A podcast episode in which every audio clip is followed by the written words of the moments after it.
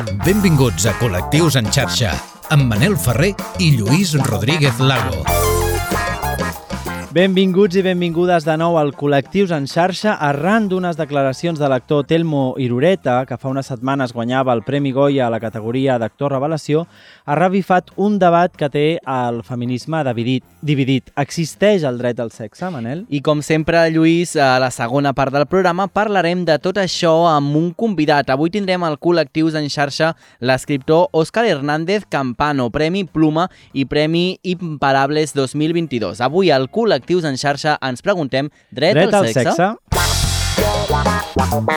Estàs escoltant Col·lectius en xarxa. amb Manel Ferrer i Lluís Rodríguez Lago.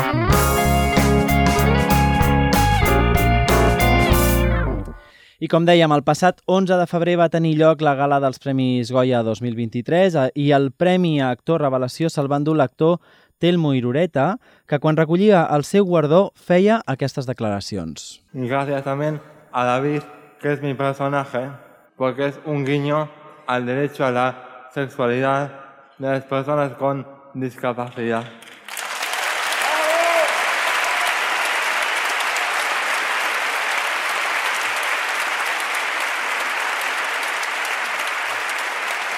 Porque nosotros también existimos y porque nosotros también follamos.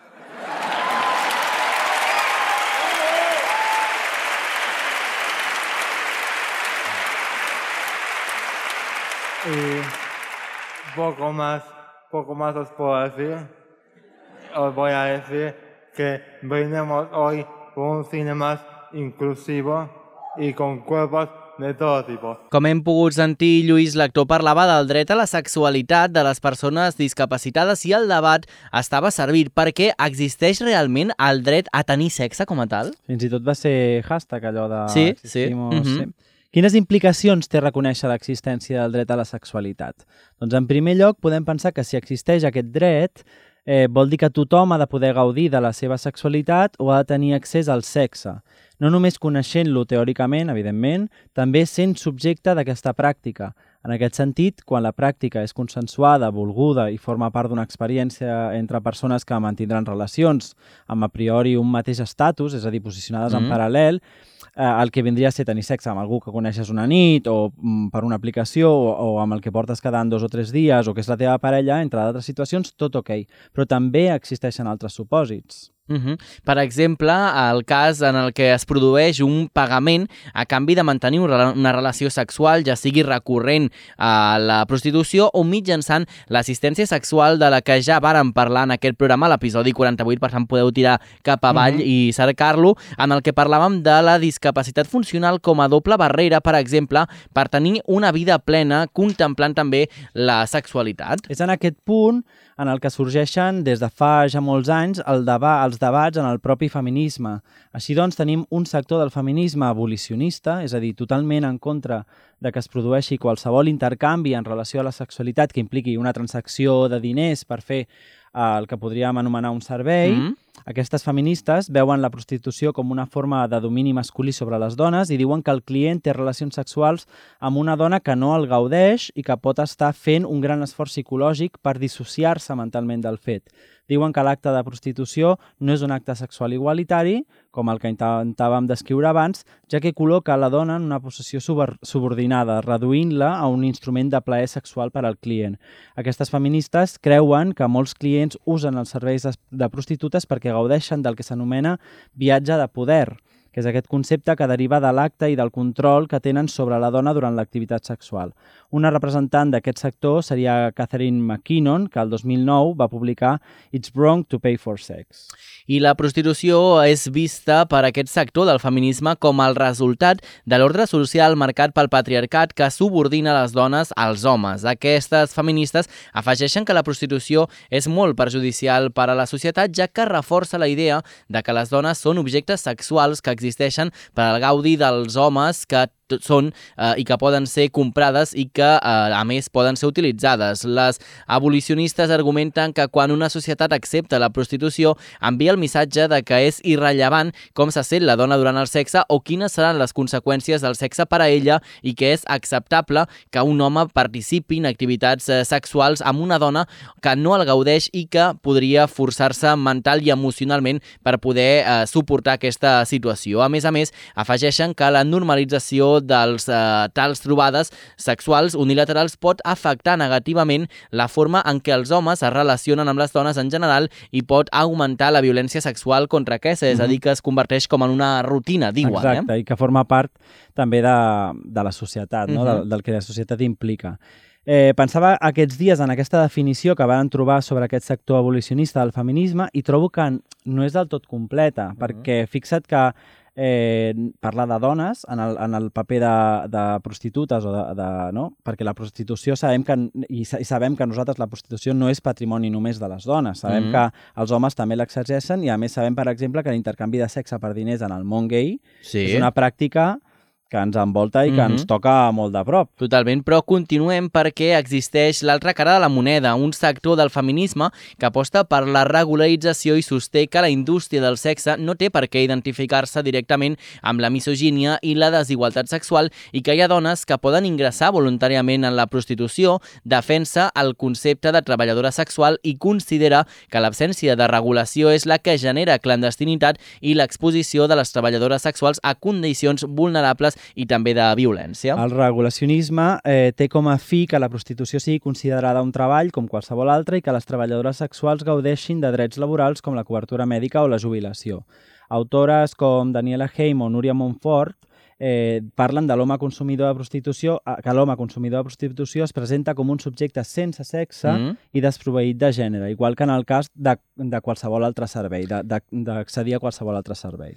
I el regulacionisme considera que el treball sexual és posat en dubte a causa d'una actitud negativa cap al sexe o fins i tot de l'herència cristiana de la nostra societat. Els qui donen suport al regulacionisme eh, insisteixen en l'autonomia de les dones sobre els seus cossos i la seva sexualitat i demanen que no s'identifiqui o relacioni la prostitució amb el tràfic o el mercadeig de les persones. Exposat aquest marc i aquest context, tornem a centrar-nos en el tema que ens ocupa avui, perquè eh, com afecten aquests dos posicionaments a les persones amb discapacitat, que, per exemple, no tenen prou, prou mobilitat com per masturbar-se o que simplement tenen un accés molt més complicat a espais i entorns per conèixer altres persones. Perquè els pols oposats també s'atreuen, escolta col·lectius en xarxa. Com dèiem, les declaracions de Telmo i Rureta van encendre de nou el debat entre aquests dos sectors que hem explicat del feminisme. A banda de les declaracions i el seu discurs a la recollida del guardó, eh, va poder parlar amb alguns mitjans que li van donar l'oportunitat d'explicar-se una mica més. Uh -huh.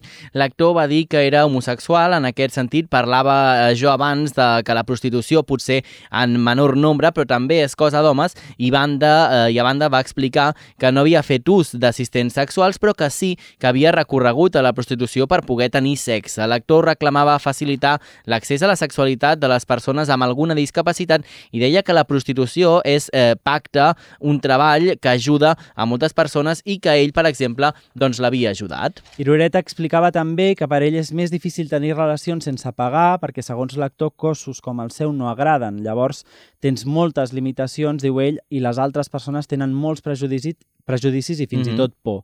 Després del rebombori format per les declaracions de l'actor, van sortir altres persones a dir la seva.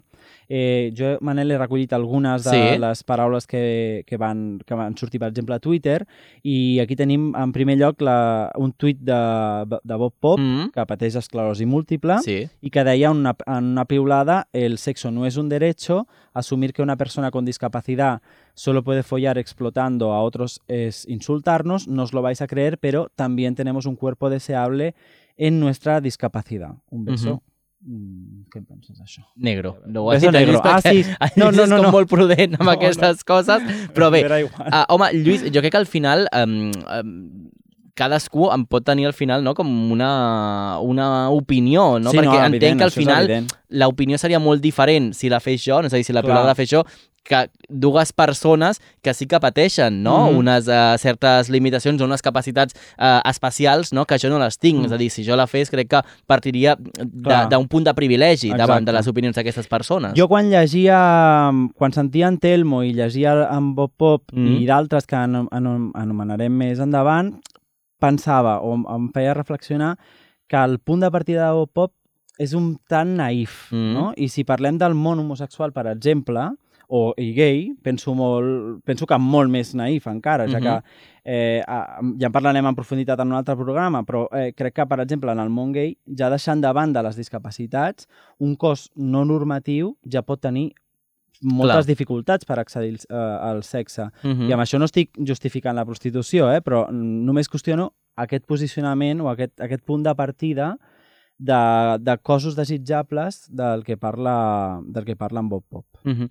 Home, jo també ho crec, eh, Lluís, que al final el, el seu posicionament, al final sí que és, crec que ens, eh, o ens vol posicionar, o ell, jo no tinc dubtes que ho puguin pensar, Sí, clar. però com en, en un punt idíl·lic ideal, no? Al idíl·lic. final una mica eh, com el que tots voldríem veure com acaba el conte, no? Que al final doncs, tothom eh, acaba tenint un desig, acaba tenint doncs, com unes fortaleses, no? sigui quina sigui la seva situació, Mhm. no? Però clar, en el cas de Bob Pop pot ser que sigui així, però clar, no té per què ser tothom No, la situació que té Bob Pop, no? Exacte. També recollíem les paraules de Beatriz Jimeno, política, activista i feminista espanyola a favor dels drets LGTBI eh, i de la dona, especialment de les dones lesbianes i les del col·lectiu LGBT, i que va estar amb nosaltres Mhm. a l'episodi que vam fer sobre el cas Dolo Sí. Dolores Vázquez, perquè ella va ser l'autora del llibre La construcció d'una lesbiana perversa, i que us convidem a recuperar, evidentment. Beatriz feia un fil de piulades en relació al cas que tractem avui i que les podríem llegir. La primera deia, empezaré a hablar de que los hombres eh, de que los hombres con discapacidad tienen derecho a sexo cuando hablemos de que las mujeres con discapacidad y su, eh, y su derecho al sexo, ¿no? O las ancianas o las enfermeras o las enfermas, diu, no tienen derecho ellas al sexo. Clar. Jo sobre la seva primera piulada, i em repeteixo molt en, en Mhm. aquest programa, em, tornes, em torno a situar amb la necessitat de dir que penso que hi ha una visió una mica heteronormativa Clar. de la prostitució, Clar. no? Mhm, Tot i que, mhm. evidentment, aquest tema està íntim- íntimament relacionat amb el sistema patriarcal i la desigualtat entre homes i dones, fer aquest tipus de, de plantejaments esborra la prostitució masculina, no? O de les persones homosexuals. Sí, sí. Home, al final és el que dèiem també, Lluís, abans, és a dir, que al final també és important des del punt que tu fas aquesta Clar. reflexió, no? Al final mm. tu pots veure des de fora i pots tenir una opinió construïda, però en base a uns criteris que són teus únicament, Mm. no? Al final. Jo ho dic sobretot perquè les paraules... Perquè Telmo Irureta va haver d'explicar o de, Mhm. de, de, de, de tornar a dir, si no ho havia dit, que era gay, Sí, perquè tothom associava aquesta prostitució a la que els ella homes havia, heterosexuals, a, no? a la que ella Mhm. havia recorregut com a una prostitució femenina. Mhm, mhm. Beatriz seguía dient que el caso es que ellas no tienen un contingente de hombres dispuestos a comerles el coño, de ella. Sí. ¿no? Si, crees, si te crees feminista y no te has preguntado por qué no hay hombres en esa situación, es porque no eres feminista. No hay hombres que quieran hacerlo porque ellos pueden elegir. Clar. Diu això la Beatriz eh, Jime, no? Eh? Jo aquesta piulada m'havia apuntat que l'entenc una miqueta més, Mhm. Igual que en aquest programa hem parlat moltes vegades de les persones trans, eh, en aquest cas també dones trans que es veuen obligades a prostituir-se a prostituir-se com a únic mitjà de supervivència. Sí que és Ja. veritat que eh, els nombres ens diuen que, que elles són les que acaben recorrent més a, la, a la prostitució més que ells, no? Beatriz seguia amb un tercer tuit, diu la manera de obligar-les a elles no és, és molt interessant aquest, no, Mhm. no es llevarlas atadas, basta con crear un sistema que las ponga en un lugar de que esa opción sea posible y la única. Y, y a ellos en el lugar de creer que tienen derecho a ejercerlo, no? Clar. Mhm. Aquí també estaria d'acord jo, perquè el sistema regeix intrínsecament la resta d'elements que el composen, no? Pensar que som impermeables al sistema és gairebé també creure en la màgia. No, i que també és veritat que el capítol que vam parlar també de les treballadores sexuals Mhm. i de més, al final les bases són les que s'han anat posant a, a, a mesura que s'ha anat fent aquesta pràctica, però no perquè estigui regularitzat, no? És a dir, si Clar. això realment eh, estigués regularitzat i, i, i sapiguéssim que la gent que ho fa ho fa perquè Realment. realment té una vocació Mm. i no per una necessitat eh, explícita, no? Sí. Jo crec que també canviaria molt el concepte, no? Al Mm. final.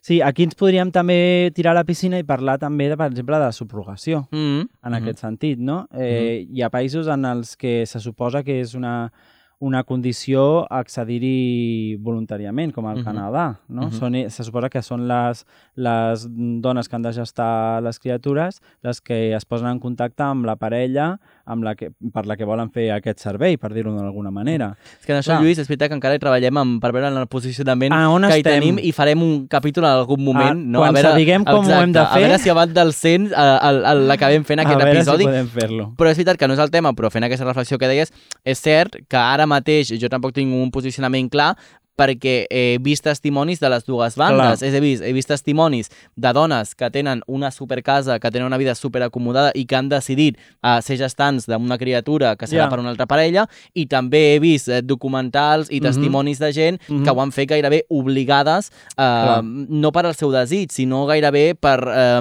per una supervivència. Mhm. no? És a dir, llavors, per això, mm, segurament, si tinguéssim una mesura regularitzada, doncs potser també veuríem realment qui s'hi està afegint perquè realment ho vol Mhm. o qui ho està fent per una necessitat extrema. Clar, aquí és on la Beatriz remarca aquest tema, no? de que no fa falta por- portar ningú a la prostitució lligat de mans, Clar, no? clar. Només, és, és, in- és, eh, només creant aquest context ja, Mhm. ja podríem, ja podríem tenir-ho. I per últim també eh, trobem les paraules d'Anna Cuervo Poyan. L'Anna és una persona amb discapacitat i també és filòsofa i actualment desenvolupa una tesis, l'eix central de la qual és el lloguer de dones per gestar, un treball que, segons ens diu ella, eh, l'exigeix abordar altres temes de recerca com la maternitat, les tècniques de reproducció assistida, la prostitució o la pornografia. També escriu en mitjans com Tribuna Feminista, El Comú i el Papel.es. L'Anna diu d'ella mateixa, soc feminista, això, eh, això és necessari i absolutament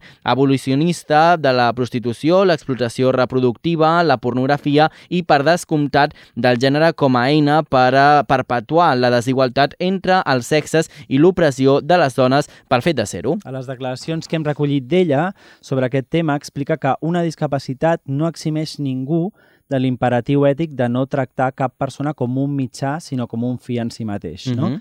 Jo he llegit, mmm, quan em documentava per fer aquest programa, que moltes vegades es fa servir aquesta frase del mitjà per un fi, que és del filòsof Kant, eh, en el seu llibre Lliçons d'ètica, com a argument contra les persones que creuen en la regulació de la prostitució. Però cal recordar que Kant deia que sempre que hi ha sexe, la dona es torna objecte i que només aconsegueix la condició de subjecte quan es casa. Mhm. Clar, llavors, agaf- si agafem aquest Clar, mm, aquesta frase, però la traiem de context, potser ens queda una mica coixa, no? No Ja. acabem de veure la realitat sencera. Uh, per últim, us diem també que Ana Cuervo Poyan explica en el seu canal de YouTube que la demanda d'assistència sexual està capitalitzada pels homes amb un 90% que demanen ser assistits per dones i que llavors uh, s'entén que la sexualitat és un dret dels homes i que mitjançant l'assistència sexual es reforça la idea de que la sexualitat no ha de ser uh, recíproca per totes les parts que hi participaran i que només ho ha de ser per la persona que està en una situació de poder, que paga, que té possibles i que ocupa a part el sexe dominant. Segueix-nos a les xarxes. Busca'ns i recupera tots els nostres programes, imatges i vídeos exclusius. Col·lectius en xarxa. A Twitter, Instagram i a les principals plataformes de podcasting.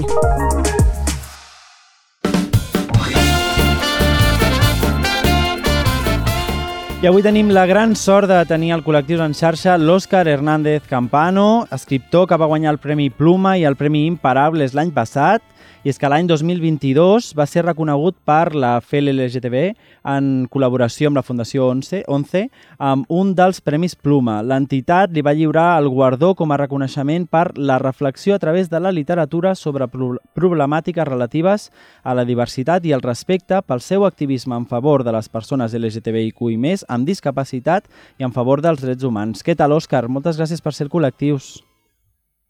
Hola, bona tarda, què tal? Molt Què bé. tal? Encantat d'estar aquí amb vosaltres. Que bé, doncs mira, per començar, potser no t'ho posem gaire fàcil, però com hem, hem de parlar d'aquest tema, tu on creus que, és, que es troba el límit de l'assistència? Quan parlem de l'assistència a les Eh, persones amb discapacitat. Val. Òbviament partim de que és un tema complex, que, Mhm. eh, amb moltes aristes i que jo parlo des de l'absolut desconeixement, eh, però vist des de fora jo diria que com a tot eh, en esta vida eh, el límit és l'acord entre les parts. Uh -huh. entre dos parts en igualtat de condicions, dos adults, pense que el límit és, és aquest. Uh -huh.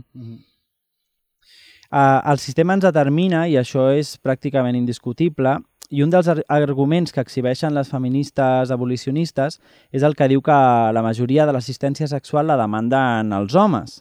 Però per aquesta regla de 3 no és possible que les dones, justament per ser víctimes d'aquest propi sistema, hagin après a prescindir del sexe o a veure'l com una cosa aliena?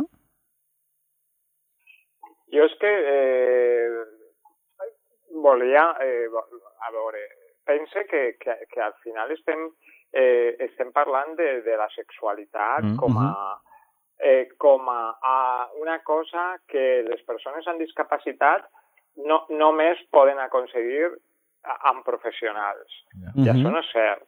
Clar. Eh, hi ha molta gent que, que probablement ha de recórrer a, a, en un moment donat pues, a, a persones eh, professionals, anem a dir. Però eh, crec que hem de, hem de tindre clar que el sexe és una part més de l'ésser humà i pot ser si li llevaren eh, ese, ese caire de, de sacralitat Uh -huh. que en la, en la tradició eh, judeocristiana, en la cultura occidental en la que vivim, eh, té la sexualitat, eh, no tindríem tant de problema. Òbviament, de, deixant de banda el que, tot el que és explotació, eh, fer algo per, per obligació per, o per xantatge o per màfies o per, eh, en fi, sense voler, no? Mhm. Esclavitud, etc.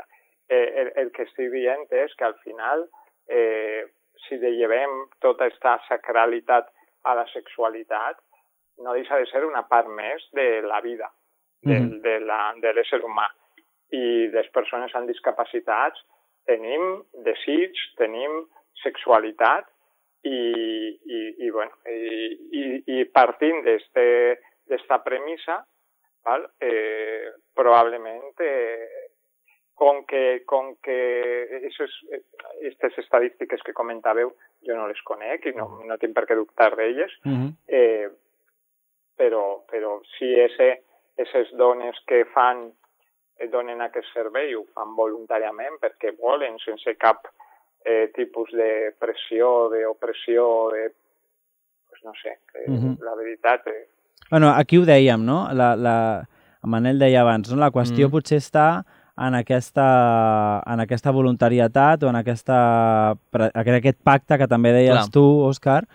El, el, el cas és que a vegades potser ens costarà discernir entre si hi ha una voluntat real Uh -huh. o, o com dèiem amb unes declaracions, que hem, un, uns, unes piulades que hem recollit de la Beatriz Jimeno, no? si, si, si, la, si la voluntat és aquesta real o és el sistema i el col·locar-se en aquest escenari, el crear l'escenari, Uh -huh. és el que farà que, que, que s'ocupi l'espai, no? com si diguéssim. Això, no, això estarà per veure, potser. Escolta'm, Òscar, volíem preguntar també què n'opines, eh, per exemple, de les declaracions que va fer Bob Pop, no? que és, eh, nosaltres dèiem que potser al final també és eh, una opinió molt més naïf, no? Eh, no sé què, què en penses, el seu posicionament. Eh, bé, deixa que recorde una miqueta les declaracions de... Sí, te les de podem, Bob te les Pop, podem perquè- dir, eh? eh en, en Bob Sí. Pop deia que, uh, que el, el sexe no és un dret i que assumir que les persones amb discapacitat eh, noma, només eh, poden fer, fer sexe explotant a, a un altre és insultar-les, no? Uh -huh. I deia que eh, les persones amb discapacitats tenen també cossos desitjables. Sí, a veure, jo estic d'acord perfectament Mhm. en que eh, en les dues, en les dues últimes Uh -huh. frases, Mhm. eh, però què és un dret? Ja. Clar. Pregunto jo. Eh, no, no és un dret que estigui en la Constitució, en les lleis, eh, bueno, tenint en compte que hi ha drets en la Constitució que no se compleixen tampoc, però que, en fi, eh, però òbviament no és un dret que pogués anar a una administració pública i demanar el dret a la sexualitat, val? Eh, en moltes cometes, perquè sí que se fa sí que hi ha el dret a l'educació sexual, Mhm. o hi ha dret a una planificació o accedir a mètodes eh, preven- de planificació familiar, Mhm, etc mhm. etc i això es considera un dret, Clar. o el dret a la salut sexual, etc. Mhm. Però la sexualitat no és un dret. Bueno, eh, eh, crec que forma part de la salut humana. Com Mhm. que és una, una manifestació de l'ésser humà, nosaltres no som com els animals que tenen un celo eh, una volta cada X temps, sinó que la sexualitat és diària, des de que neixem fins que, que morim, i això ho diuen tots els sexòlegs, eh, forma part de la nostra natura i és tan natural com les altres funcions. Òbviament ningú se mor per no tindre sexe, igual que sí que se... O sigui, al contrari de que sí que se pot morir si no menja. val? Ja. Però eh, la salut sexual està, o, o el fet de satisfer la sexualitat està molt relacionada amb la salut mental Mhm. Perquè, perquè pues una persona que, que no que volent, volent, volent i no, i no tinga, no puc accedir, no tinga manera, fins i tot parlem de, de, de donar-se plaer a si mateix. Sí, en parlàvem aquí, sí. Val? Eh? Mm. Eh, aleshores, eh, pense que avui en dia, i en tots els adelantos i tot, tot el que tenim, no establir-lo com un dret en una llei, perquè això, òbviament, seria molt complex, però pense que, que s'ha de, de tindre present com una part més de la, de la, de la natura de les persones. Mhm. I això que com se concreta, pues no ho sé, és difícil, òbviament, però torna a, a lo que he dit al principi. A lo millor si no ho convertim en algo tan, sa tan, tan sagrat, Mhm. eh, i si traiem també eh, el, el, el falocentrisme o el eh, genitalcentrisme De, de la equació, eh, a lo millor les coses no se veurien d'una manera de, amb tant de tabú i amb Mhm. tant de prejudici. Mhm. Tu ho ens has dit una mica al principi, però, mm, i també ho hem parlat nosaltres pre eh, preparant una mica l'entrevista, ha, amb les persones amb discapacitats hi ha aquest, aquesta sensació de que o mm, totes les persones amb discapacitats tenen les mateixes necessitats i també de, de cop i volta surt aquest eh, concepte del, dels nens eterns, no? Sí, perquè hi ha un prejudici, una creença o una, una assumpció Uh -huh. eh, en la societat en què les persones amb discapacitat, sobretot si és una discapacitat, eh, en el cas, per exemple, una discapacitat física molt, molt gran, Uh -huh. o una discapac discapacitat intel·lectual eh, molt gran també, pues que aquestes persones eh, sí, eh, fan les altres funcions biològiques, però del sexe no es parla. -huh. per què no? Perquè no, perquè són això com xiquets. Clar. I no és veritat. Eh, aleshores, eh, jo en el meu cas concret, el tuit que vaig eh, escriure arran de tota aquesta polèmica, Sí. volia com de, deixar clar que són persones amb desig, amb sexualitat, amb, eh, amb els mateixos desitjos que la resta de la població. I després cada persona funciona com funciona eh, i depèn de la, de la discapacitat podrà fer una cosa o una altra. Mhm. Però torna a dir, eh, no només, el sexe no només està entre les cames. Eh? Totalment, Eh, totalment. Una persona en una, en una lesió medular que no tinga sensibilitat del coll cap a baix eh, pot viure una sexualitat molt intensa amb l'espai que sí que té sensibilitat i en la ment. Uh -huh. De manera que, que, que, que eh, tornant a lo de Bob Pop, eh, també són desitjables, clar. Hi ha persones que, que poden trobar una persona amb, amb, amb discapacitat mm, mm, bueno, pues, eh, eh, molt guapa, molt, molt Clar. atractiva. Mhm. A mi personalment m'ha passat, en fi. Eh, i, i, i, I això existís. Aleshores, les persones amb discapacitat eh, són persones sexuals, també. -huh. Doncs queda clar, Òscar, eh, gràcies per acompanyar-nos ràpidament. Eh, no sé en què estàs treballant ara mateix perquè ho puguem també dir que quedi constància al Col·lectius en xarxa. Bé, ara mateix, eh, a nivell de literatura, Mhm. eh, estic en la promoció de la meva novel·la que va aparèixer a, a primavera, La reina de Ignusa, Mhm. una novel·la publicada per Sargantanas i en estil de novel·la negra històrica, i també acaba d'eixir la, eh, la edició commemorativa de, del 20è aniversari Del de la de meva Marcos, novel·la no? més coneguda, El Mhm. viaje de Marcos, de Editorial Legales, Mhm. que s'ha convertit en una novel·la molt important per al col·lectiu LGTBI Molt bé. Eh, I bueno, en aquestes dues coses estic ara mateix. Mm -hmm. Doncs moltes gràcies, no, Gràcies, Òscar? eh, Òscar, eh? gràcies per acompanyar-nos. Gràcies, un plaer. Que vagi molt bé, Lluís. Adéu. Nosaltres marxem escoltant aquí. Uh, Paloma Faith, un Mhm. clàssic, Only Love Can Hurt Like This. Molt bé. He que venia... venia Genial. Gràcies, Lluís. Gràcies també al Carles Soler Piqué, les vies a so i fins la propera setmana. Adéu. Bé. Adéu.